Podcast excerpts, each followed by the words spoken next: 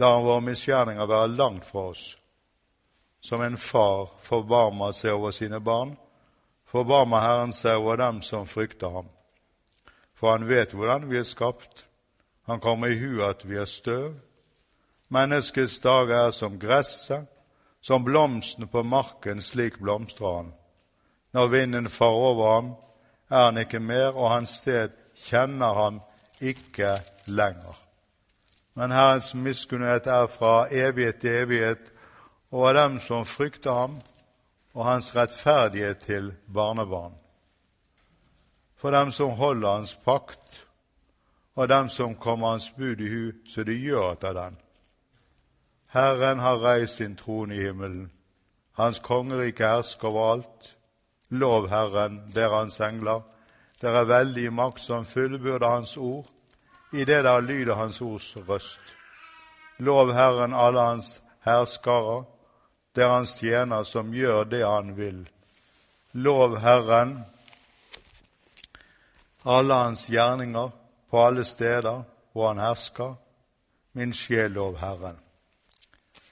Både i kristne forkynnelse og i kristens vitnesbyrd sies det visstnok med jevne mellomrom at et kristenmenneske eller en kristen forsamlings lovsang til den levende Gud må komme innenifra, altså fra hjertet, hvis den skal være ekte og ikke påhengt, og slik være til velbehag for Gud.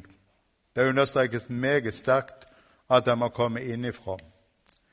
Det er utvilsomt viktig, men hovedsaken med lovsangen til den levende Gud er for det første ikke at den må komme innenifra, men at den må komme ovenifra, ifølge Guds ord. Kommer ikke lovsangen til en levende Gud ovenifra, kommer den heller ikke innifra. Det siste nemlig alltid en følge av det første, slik taler Guds ord om lovsangen. Først ovenifra, og så innifra alltid. Vi har et særlig klart eksempel på det vi taler om nå, fra Salme 40. Der vitner salmisten om sin frelsesgud og sier, 'Jeg bidde på Herren'. Da bøyde han seg til meg og hørte mitt rop. Og han dro meg opp av fordervelsens grav, av det dype dynn, og han satte mine føtter på en klippe, og han gjorde mine trinn faste. Og merk, han la i min munn en ny sang, en lovsang for Gud. Mange ser det og frykter og setter sin lit til Herren. La oss nå først hjelpe hverandre til å legge nøye merke til det salmisten vitner om Herren i begynnelsen. For det første, jeg bidde på Herren. For det andre, han dro meg opp av fordervelsens grav, av det dype dynn. For det tredje, han satte mine føtter på en klippe. Og for det fjerde, og han la i min munn en ny sang. Disse fire halvsetninger hører uløselig sammen i den bibelske verden og dermed også i troens verden, som fire kostbare perler på en snor. Men i vår sammenheng vil vi særlig understreke og han la i min munn en ny sang. Det var altså ikke salmisten selv som plantet denne nye lovsangen om vår Gud inn i seg selv, fra sin egen munn og dermed i sitt eget hjerte. Det var Gud og Gud alene som gjorde det, og som kunne gjøre det. Skal det altså komme sann og ekte lovsang til den levende Gud fra et menneske, så må denne lovsangen alltid bli født inn i et menneskes hjerte og lagt i et munn, menneskes munn ved Guds ord og Guds ånd.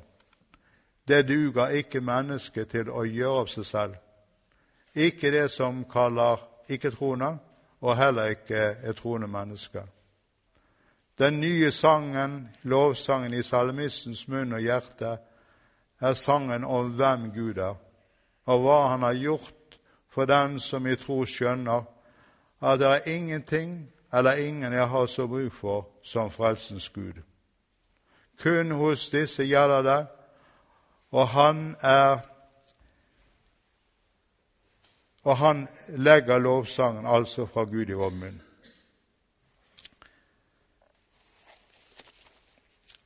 Bibelen, både Det gamle og Det nye testamentet, er nærmest full av lovsang til en levende og handlende Gud.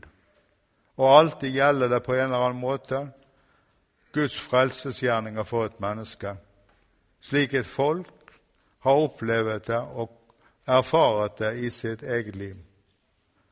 Altså alt kommer fra Gud, ikke alene frelsesgjerningene, men også lovsangen fra deres frelsesgud og fra hans frelsesgjerninger. Bare det som er ekte og sant, er godkjent av Gud. Derfor må han selv gi og føde lovsangen i en synders hjerte. Hvis mennesket tar den saken i sine egne hender, så skurrer lovsangen. Om ikke på jorden, så i hvert fall i himmelen. Og ikke under Guds velbehag. Og om det aldri så mye kommer fra en ekspert på området. Denne lovsangen, altså den som kommer ovenfra, har ifølge salmisten det vi også vil kalle et misjonerende og evangeliserende sikte. For salmisten vitner jo ikke alene han la i min munn en ny sang, en lovsang for vår Gud, men føyer til i samme stund mange ser det og frykter og setter sin lit til Herren. Altså den himmelske lovsangen. Født i hjertet, føder ekte gudsfrykt og tillit til Herren. Det makter aldri en påhengt og menneskelig lovsang men den ekte gjør det. Hvorfor? Fordi det alltid er lovsangen om Guds frelsesgjerninger og intet av vårt eget. Med en gang vi tar denne tingen i vår ånd, om vi aldri så mye pretenderer å være ydmyke, så blander vi noe av vårt, inn, inn, vårt eget inn i det. Og så er alt ødelagt. Så er ikke lovsangen lenger ekte. Så kommer den egentlig, egentlig ikke ovenfra, og kan heller ikke være evangeliserende og misjonerende. Før vi nå ser nærmere på Salme 103, som altså er et forbilde Før vi nå ser nærmere på Salme 103, som er, altså er emnet for eh, bibeltimen her i, i, formiddag, så skal vi la noen, noen vitner fra Bibelen eller fra Den hellige skrift komme og anskueliggjøre dette som vi har talt om nå. Først Miriams lovsang sammen med sine trosøsken for Herrens frelsesgjerninger for sitt folk, frelsen fra farao, egypterne og trellhuset i Egypt. Det står i 2. Mosebok, kapittel 15, og profetinne Miriam, Arons søster, tok en tromme i sin hånd. Alle kvinner gikk etter henne med tommer og dans, og Miriam sang for Herren, lovsyng Herren, for han er høyt opphøyet. Hest og mann styrtet han i havet.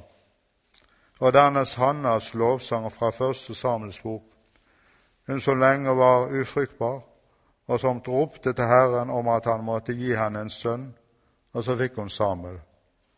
Og Det står at det og Hanna ba og sa, mitt hjerte fryder seg i Herren.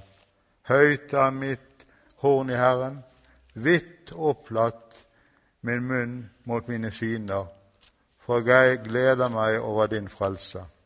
Dens fra Det nye testamentet, fra Marias lovsang, Jesu mors lovsang, til, til sin frelsesgud, fordi han har utsendt henne til å være mor til Messias Guds sønn, så verden skal få en frelser.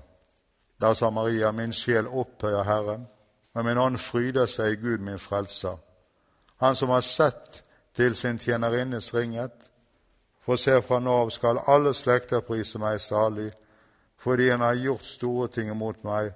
Han den mektige og hellige er hans navn. Og til sist i denne sammenheng lovsangen fra de salige i den himmelske verden og de ropte med høy røst og sa, Frelsen tilhører vår Gud, Han som sitter på tronen og lammet. Samme 103, som dere sikkert kjenner godt, er av noen blitt kalt en individuell lovsang, takk og lovsang.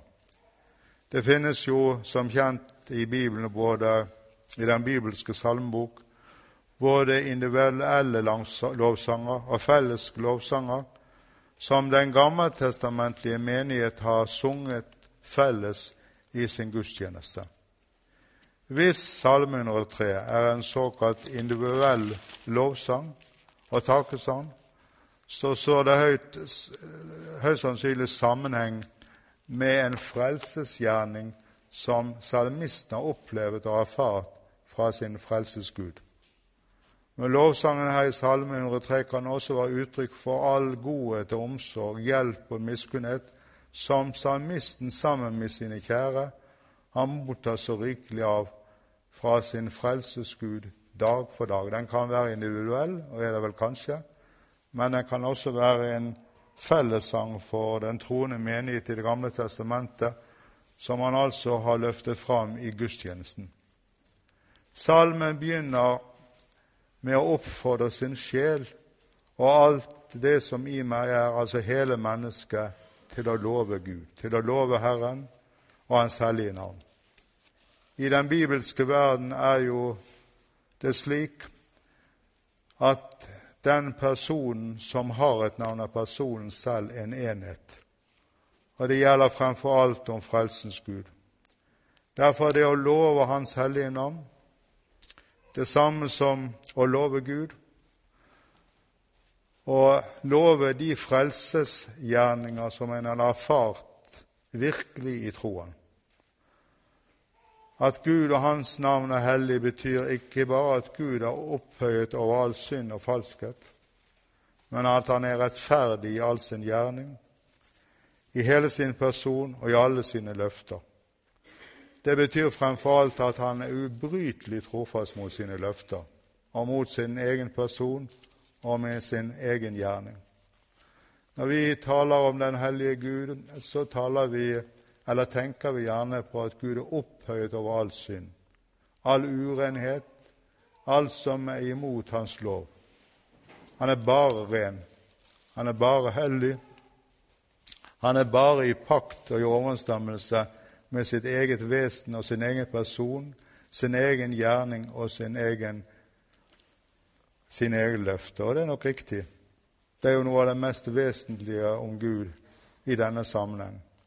Men at Gud er hellig, det betyr gjerne like mye at han er trofast mot det han har sagt. Hvis Gud ikke var heldig mot sitt eget vesen og sine løfter og sin gjerning, så ville han svikte sin egen hellighet. Nettopp fordi han er hellig, han trofast, og fordi han er ubrytelig trofast, så er han hellig. Dette er det nå salmisten lover Herren for og som han også senere oppfordrer hele engleverden til å ta del i. Det er særdeles viktig å merke seg at salmisten nettopp i denne sammenheng formaner seg selv til å ikke glemme alle hans gjerninger. Hvorfor gjør han det? Fordi salmisten uten tvil har erfaret, først fra sitt eget liv og sitt eget hjerte, men også fra andre, at det hører med til syndefallets følger og onde virkninger at mennesker ofte har særdeles lett for å være utakknemlig og glemsom, et glemsomt vesen, som glemmer alle Herrens velgjerninger, ikke takker og priser Gud for det. Mennesket tar alt dette for en selvfølge. Svært ofte er det også slik med oss som kalles troende mennesker. Også vi må si det rett ut, uten omsvett, at det som vi nå taler om, denne utakknemlighet og ufølsomhet for alle Guds gjerninger mot oss, det er synd. Det er en svært alvorlig og grov synd. Når vi nå kommer sammen, så skulle vi prøve for Guds ansikt hvordan det er med vår takknemlighet overfor Gud hvordan vi lover Han for all Hans godhet mot oss. Hvis jeg nå skulle være ærlig i ordets speil for min egen del, så er kanskje dette en av den største synd i mitt liv.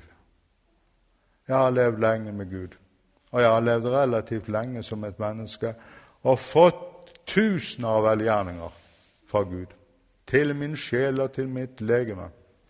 det som angår tiden og det som går, angår evigheten. Det har ikke vært mangel på gode gjerninger og barmhjertighetsgjerninger og miskunnhet fra Gud i mitt liv. Hvor mye av dette har jeg takket ham for, og lovet ham for, og prist ham for, av hele mitt hjerte, all min sjel og all min hud? Hvis jeg nå våger å være ærlig og redelig, først for meg selv, så for mine medkvinner, så for Gud, så har Gud høyst sannsynlig fått svært lite takk for dette. Og det er synd. Og det er stor synd som jeg må erkjenne og omvende fra ved Guds ånd. Kanskje du må si det samme om deg selv, at du har vært et utakknemlig kristen, et utakknemlig menneske. Han har gjort så mye godt mot deg og vært så god mot deg fra morgen til kveld, år etter år, men du har ikke takket han mye for det. Så fortsetter salmisten å liste opp noe av alle Guds velgjerninger mot mennesket, og ikke minst mot sine troende barn. Sikkert for å understreke og konkretisere i formaningen grunnen til at han oppfordrer min sjel av Herren, og glem ikke alle hans velgjerninger. Den første og største velgjerning et menneske er kalt til å takke og lovprise Gud for av hele sitt hjerte, er at Herren forlater all hans misgjerning. La meg få lov å være så vennlig og be dere understreke med rødt, hvis det er naturlig for dere, ikke ellers, i Bibelen, at det står 'all misgjerning' han som forlater all din misgjerning.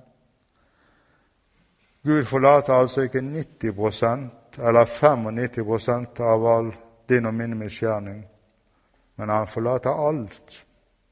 Det er ikke sikkert at det er så veldig god nyhet for alle kristne, som ikke har så store problemer med sin synd.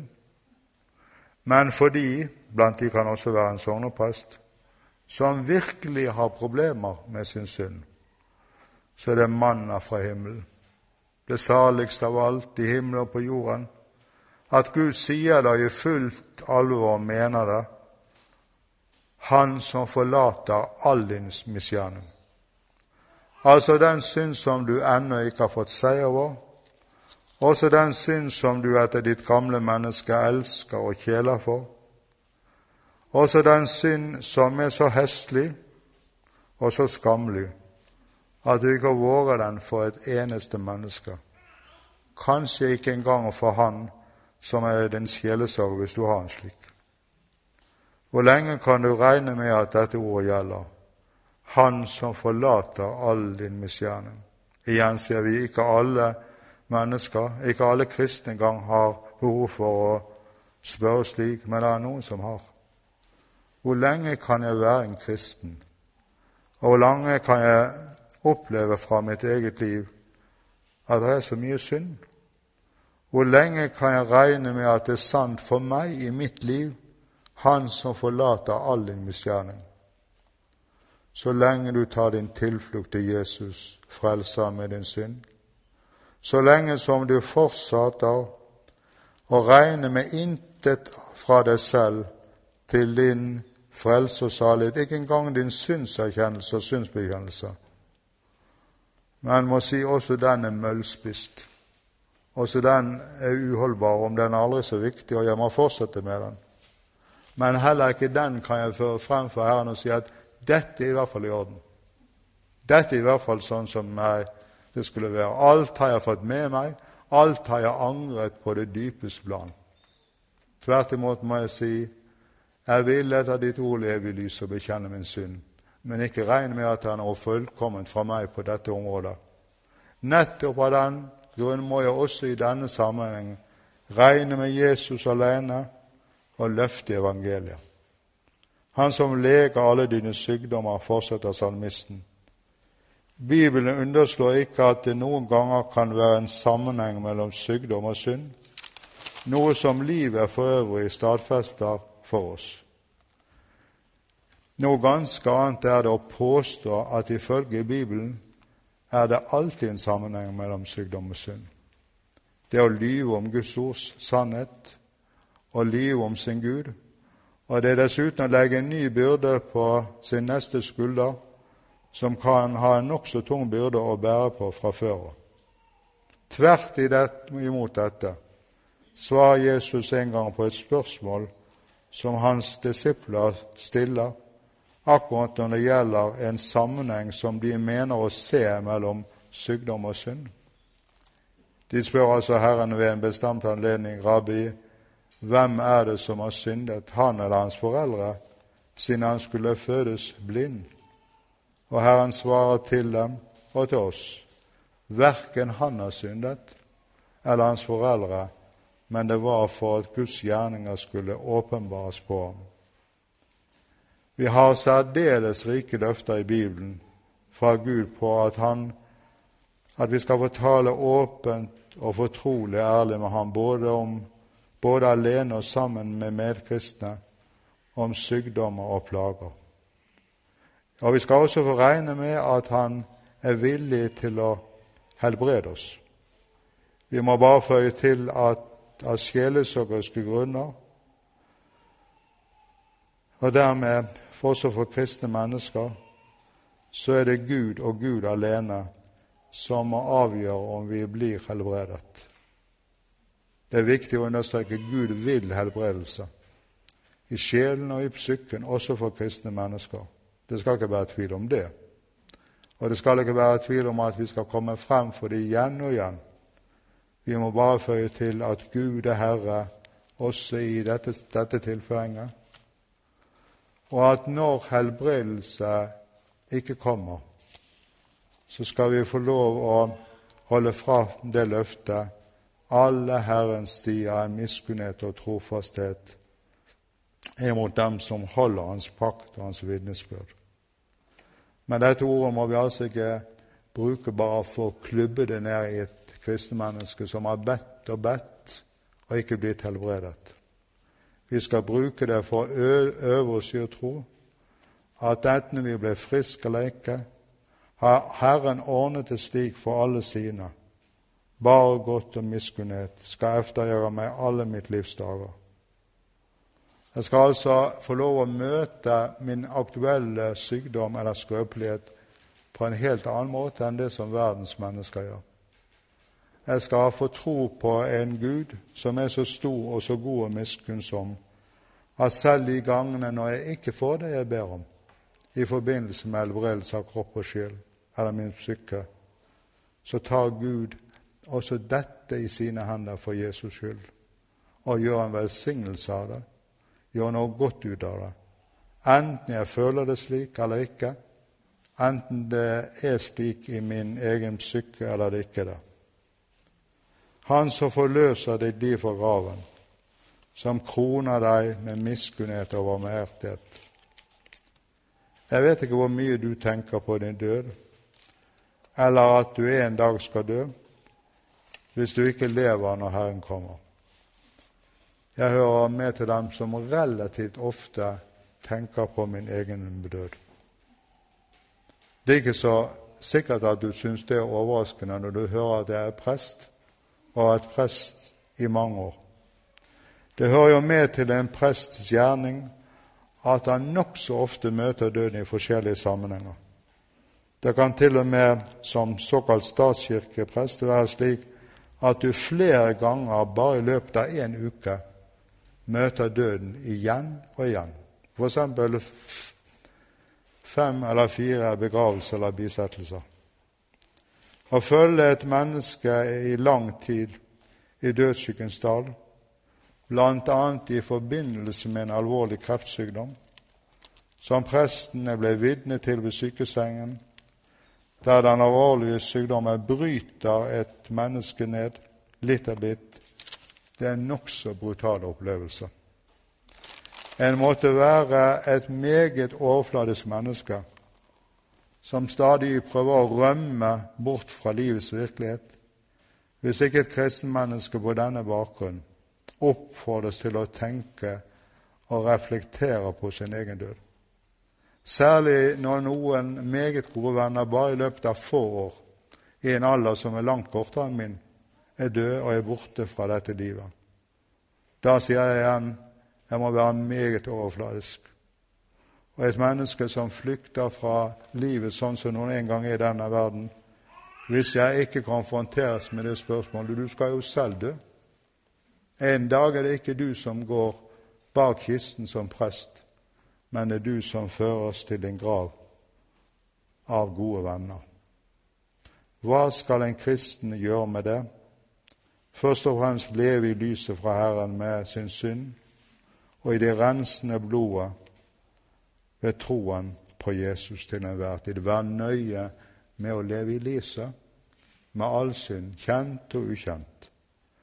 Dernest snakke åpent og fortrolig med Herren også om det, og hør Hans løfte at Han skal forløse alle sine fra ravens mørke og gi dem et nytt oppstandelsesliga og evig liv ved sin synlige gjenkomst. Hva gjør Herren da med sine og for sine? Ja, ordet står det at han kroner sine med miskunnhet og barmhjertighet. Har du tenkt hva det står?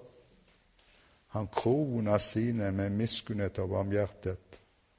Tenk at han som er kongenes konge og herrenes herre, og som er den eneste som har rett til og fortjener å bli kronet og bære en krone. Bare han har rett til det.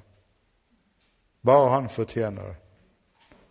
Han kroner sine frelste syndere med miskunnhet og barmhjertighet på oppstandelsens morgen. Har du hørt om noe bedre Gud enn denne? Og noen større frelser og en større hyrde som er god for sine. Han som metter din sjel med det som godt er, så du du ung igjen liksom ørnen. Det eneste som kan mette et kristenmenneske slik at han blir ung igjen liksom ørnen, det vil si fornyes i sitt gudsforhold og i sin gudstro, det ordet fra Jesus og om Jesus til en synder. Det vet jeg ut ifra egen erfaring, kanskje særlig i svake tider. Det er ikke noe som er så godt å høre. Altså, han fornyer min sjel, som mitt gudsforhold, som at jeg får høre noe godt om Jesus, og at jeg hører at det er deg, Henry. Det er deg det adresserte. Det er deg han tenker på. Salmist, salmedikteren synger så enkelt og så klart om dette i en enkel salme. Fortell det gamle budskap det beste som jeg vet, om Jesu makt og nåde og om Jesu kjærlighet. Fortell det riktig ofte, jeg glemmer lett igjen, for morgendagens friskhet ved middagstid svant han. Og hør nå, fortell det jevnt og stille, men legg dog alvor til. Husk på jeg er en synder som Jesus frelse vil. Vi rekker ikke å gjennomgå alle versene i denne mektige, nålsrike salmen 103. Men ennå har vi noen særlig sentrale vers vi må ha med og lese enda en gang. Herren er barmhjertig og nådig, langmodig og rik på miskunnhet. Han går ikke alltid i rett og gjemmer ikke på vrede vindler. Han gjør ikke med oss etter våre synder og gjengjelder oss ikke etter våre misgjerninger. For så høy som himmelen over jorden er Hans miskunnhet mektig over den som frykter ham. Så langt som øst er fra vest, lar Han våre misgjerninger være langt fra oss. Som en far forbarmer seg over sine barn, forbarmer Herren seg over dem som frykter ham. Herrens vrede og hans irettesettelse mot en synder er ifølge ordet en fryktelig realitet også i dette livet. Da kjenner og opplever også en kristen i samvittighet i sitt indre menneske at Gud er vred på meg. Han er fortørnet over meg. Dette kan noen ganger oppleves som fortapelsen allerede her i livet. Jeg husker godt at jeg som ung kristen hadde en avtale med han som var min sjelesørger, en kjent prest her i byen. Og Han kunne være nokså påtrengende. Og så skulle jeg ringe han en kveld eller en aften og fortelle om jeg hadde hørt en avtale som vi hadde inngått med hverandre. Og så hadde ikke jeg inngått den. Og jeg løy han rett opp i ansiktet gjennom telefonen. Det var ikke så lenge før jeg måtte tilbake inn til telefonen og ringe tilbake til den samme presten og fortelle hva som jeg hadde løyet. Jeg kjente Guds vrede, Guds fortørnelse, som sa du har løyet. Du har vært usann mot et menneske som jeg har sendt i ditt vei, og bare har ville deg godt. Martin Luther taler ganske mye om det som vi taler om fra sitt eget liv. Ikke bare, bare før reformasjonen, men også etter. Gud er vred på meg. Gud er oppbrakt og fortørnet over meg av min synd. Gud tillater sine å komme i nød og bli anfektet i troen i forhold til det vi snakker om nå. For at vi ikke skal eie en ubotferdig hovedtro, men hjertets tillit til Jesus, i evangeliet, som kommer til Han med vår synd. Det er noe av det mest alvorlige etter hvert som vi har vært troende en stund, at vi har en ubotferdig hodetro, men vi har ikke hjertets sanne tillit som Jesus, som, som synderen har til Jesus som sin frelser. Men nettopp i denne sammenheng får en kristen oppleve og erfarer at Herren er barmhjertig og nådig, langmodig og rik på miskunnhet. At Han gjør ikke med oss etter våre synder og gjengjelder oss ikke etter våre misgjerninger. Martin Luther, for å nevne han enda en gang, taler i sin forkynnelse av evangeliet om det salige byttet og sier tydelig og sterkt at det er sentrum i evangeliet, nemlig forsoningen og trosrettferdigheten. Det kan tales både meget og sterkt om Guds kjærlighet til syndere, både i kirka og i bedehuset i vår tid. Men mangler dette budskapet om det salige byttet i forkynnelsen, så er ikke det evangeliet vi hører, men noe helt annet. Vi hører mye om Guds kjærlighet, men vi hører forholdsvis lite om det salige byttet, som kostet Gud alt for at du og jeg skulle bli frelst og salig. Det salige byttet er det at Jesus og du og jeg bytter plass på Golgata i troens nåderike. Han tar din og min plass, og du og jeg skal få hans plass. Og at det er Gud som i kjærlighet til synderen foretar dette plassskiftet for at en synder skal bli frelst og salig. Jesus fra all din og min synd og hele vår syndige natur og Guds vrede og dermed fortapelsen blir tømt utover Jesus. Alt dette er reelt og virkelig på Golgata. Gud leker verken med Jesus eller synderen. Er ikke for ingenting at Jesus i meget stort alvor sier 'Min Gud, min Gud, Hvorfor har du forlatt meg? Var virkelig Jesus forlatt av Gud? Det har teologene diskutert om. Men fordi det som skjer på Golgata, er noe av fortapelsen, eller fortapelsen, så er det alvor når Jesus sier 'Min Gud, min Gud, hvorfor har du forlatt meg?' Alt er virkelighet, alt er alvor. Men det gjelder også den andre siden, nemlig med Guds handlemåter med deg og meg ved troen. Alt det som Jesus er, hans rettferdighet, hans hellighet, hans renhet, all hans fullkommenhet. Gud la det regne over synderen ved troen. Gud regner alt dette som synderens rette eiendom, som om synderen skulle vært Jesus selv. Du og jeg makter ikke å regne sånn. Men fra det øyeblikk ditt hjerte rettes sitt tro mot Jesus evangeliet, så regner Gud slik. Og Gud regner alltid rett, også i anfektelsens øyeblikk. Alt det som er Jesu eiendom, det er din. Det tilhører deg som om du skulle ha vært Jesus selv. Og da er synderen frelst, og Guds velbehag og smil over sitt liv i tiden og i evigheten. tross at en kristen stadig forblir en synder i vår verden. Tross synderen, og bare på grunn av Jesus. Og dette taler salmisten profetisk om også i Salme 103. Det er det salige byttet. Eller vi kunne talt det herlige byttet at vi har en Gud som har foretatt et plassskifte. Du skal ha Jesus sin plass, og min sønn, min kjære Herre Jesus Kristus, skal ha din plass. Fordi dette er slik, kan salmisten her bruke dristige bilder fra naturen om den synd som er tilgitt og glemt av Gud hos synderen for Jesus skyld. For så høy som himmelen er over jorden, er hans miskunnhet mektig over dem som frykter ham. Så langt fra øst er fra vest, lar han våre misgjerninger være langt fra oss. Det går ikke an å binde sammen himmel og jorden. De er for alltid blitt skilt fra hverandre. Det går ikke an å forene øst med vest eller omvendt. De er for alltid skilt med hverandre.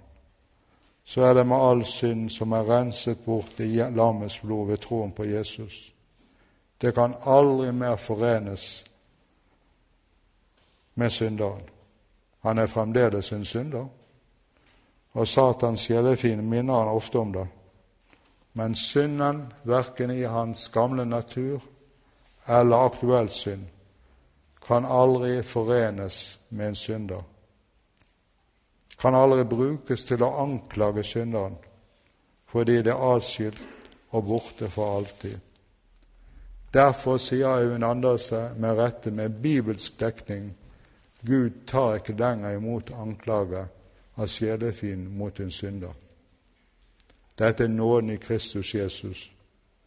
Dette er nåden i evangeliet og Guds barmhjertige nåde og langmodighet i Salme 103. Det er Guds langmodighet med en synder. For oss Gud gjelder nemlig alltid det salige byttet. Du og jeg makter ikke alltid å holde fast på dette, aller minst i anfektelsens stund. Når vi kjenner noe av Guds vrede over synd som vi har gjort, og som vi visste var synd. Allikevel er det sånn. Roper vi på Jesus, så gjelder det salige byttet uavlatelig hos Gud. Han har det klart for seg. Han holder fast på det, han regner etter det, selv om du og jeg ikke makter det. Med syndenes forlatelse følger ifølge evangeliet barnekors Gud. Jeg kommer ved troen inn i et nytt forhold til Gud. Jeg er ikke lenger trell under synden og loven. Jeg er ikke lenger under Guds vrede. Jeg er hos barn av Gud og hos Gud og lever i barnekåret. Ingen som jeg vet, forklarer hva barnekåret er bedre enn salmedikteren. Når hva og skade vi kan for troen gå, og sier Fader, ditt barn du hjelper må. Min Gud, hvor lader det deg det der å stå. Jeg er barn av Gud. Gud er min far for Jesus skyld. Nesten helt til sist i salmen blir vi minnet om et menneskes situasjon i tiden og i vår verden. Et menneskes dager er som gresset. Som blomsten på marken, således blomstrer han. Når vinden farer over han, er han ikke mer, og hans sted kjenner han ikke. Vi trenger ikke noen vidløftig teologisk forklaring for å skjønne disse ordene. Vi må bare si stille ja, slik er det for et menneske i tiden og i verden. Snart er det min tur. Kanskje snarere enn jeg liker å tenke på. Men bak alt dette kommer et troens menn, et evangeliets menn, et frelsens menn. For alt dette som salmisten har listet opp nå i, det, i, i slutten av salmen, så kommer altså dette menn, men Herrens miskunn er fra evighet og inntil evighet over dem som frykter ham. Det er alltid et men. Mye av våre menn er ikke gode. De er vi ikke glad for hvis vi bare tenker oss opp. Men det er et gudsmenn i denne sammenheng. som vi nettopp satt, er et frelsens menn, et evangeliets menn fra Gud til oss stakkars syndere. Men Herrens miskunnhet fra evighet og inntil evighet og den som frykter ham. Dette menn er altså den som frykter Gud, den som vil leve omvendelsens liv i troen på Frelseren. Hvordan frykter du og jeg Gud i sannhet? Ved å holde oss til Hans Sønn Jesus Kristi til troen. Han som ved sin ånd og ved troen virker den sanne gudsfrykt i oss, i vårt hjerte og vårt liv. Som vi sa til å begynne med, den ekte lovsangen kan jeg ikke ta fra meg selv, da bare skurrer det. Og den som har ånd til å skjønne og skjelne tingene, skjønner at her skurrer det. Det er jo påhengt, det er jo arrangert. Det bare er der fordi det skal være Men den som kjenner Jesus, og som Jesus er blitt umistelig for, og som lovsynger Gud og lammet, der er det ekte. Og denne lovsangen virker altså den sanne Guds frukt i vårt hjerte og vårt liv. Og de som er av sannheten, eller de som lever i evangeliet, de merker det. Dette er ekte vare. Dette er ovenifra. Dette er Gud. Dette er virke av Ånden ved evangeliet. Lovsangen det er vårt svar til Gud. Men han har selv født lovsangen i vårt hjerte og vårt sinn. Kjære Jesus, takk for alt du har gjort for oss, at du er frelseren vår. Takk, kjære Far i himmelen, for det salige byttet, at du bare regner med det vil du ved din gode Hellige Ånd og ditt ord holde blikket fast på Jesus og på evangeliet, og fylle vår munn og vårt hjerte med lovsang. I Jesu navn. Amen.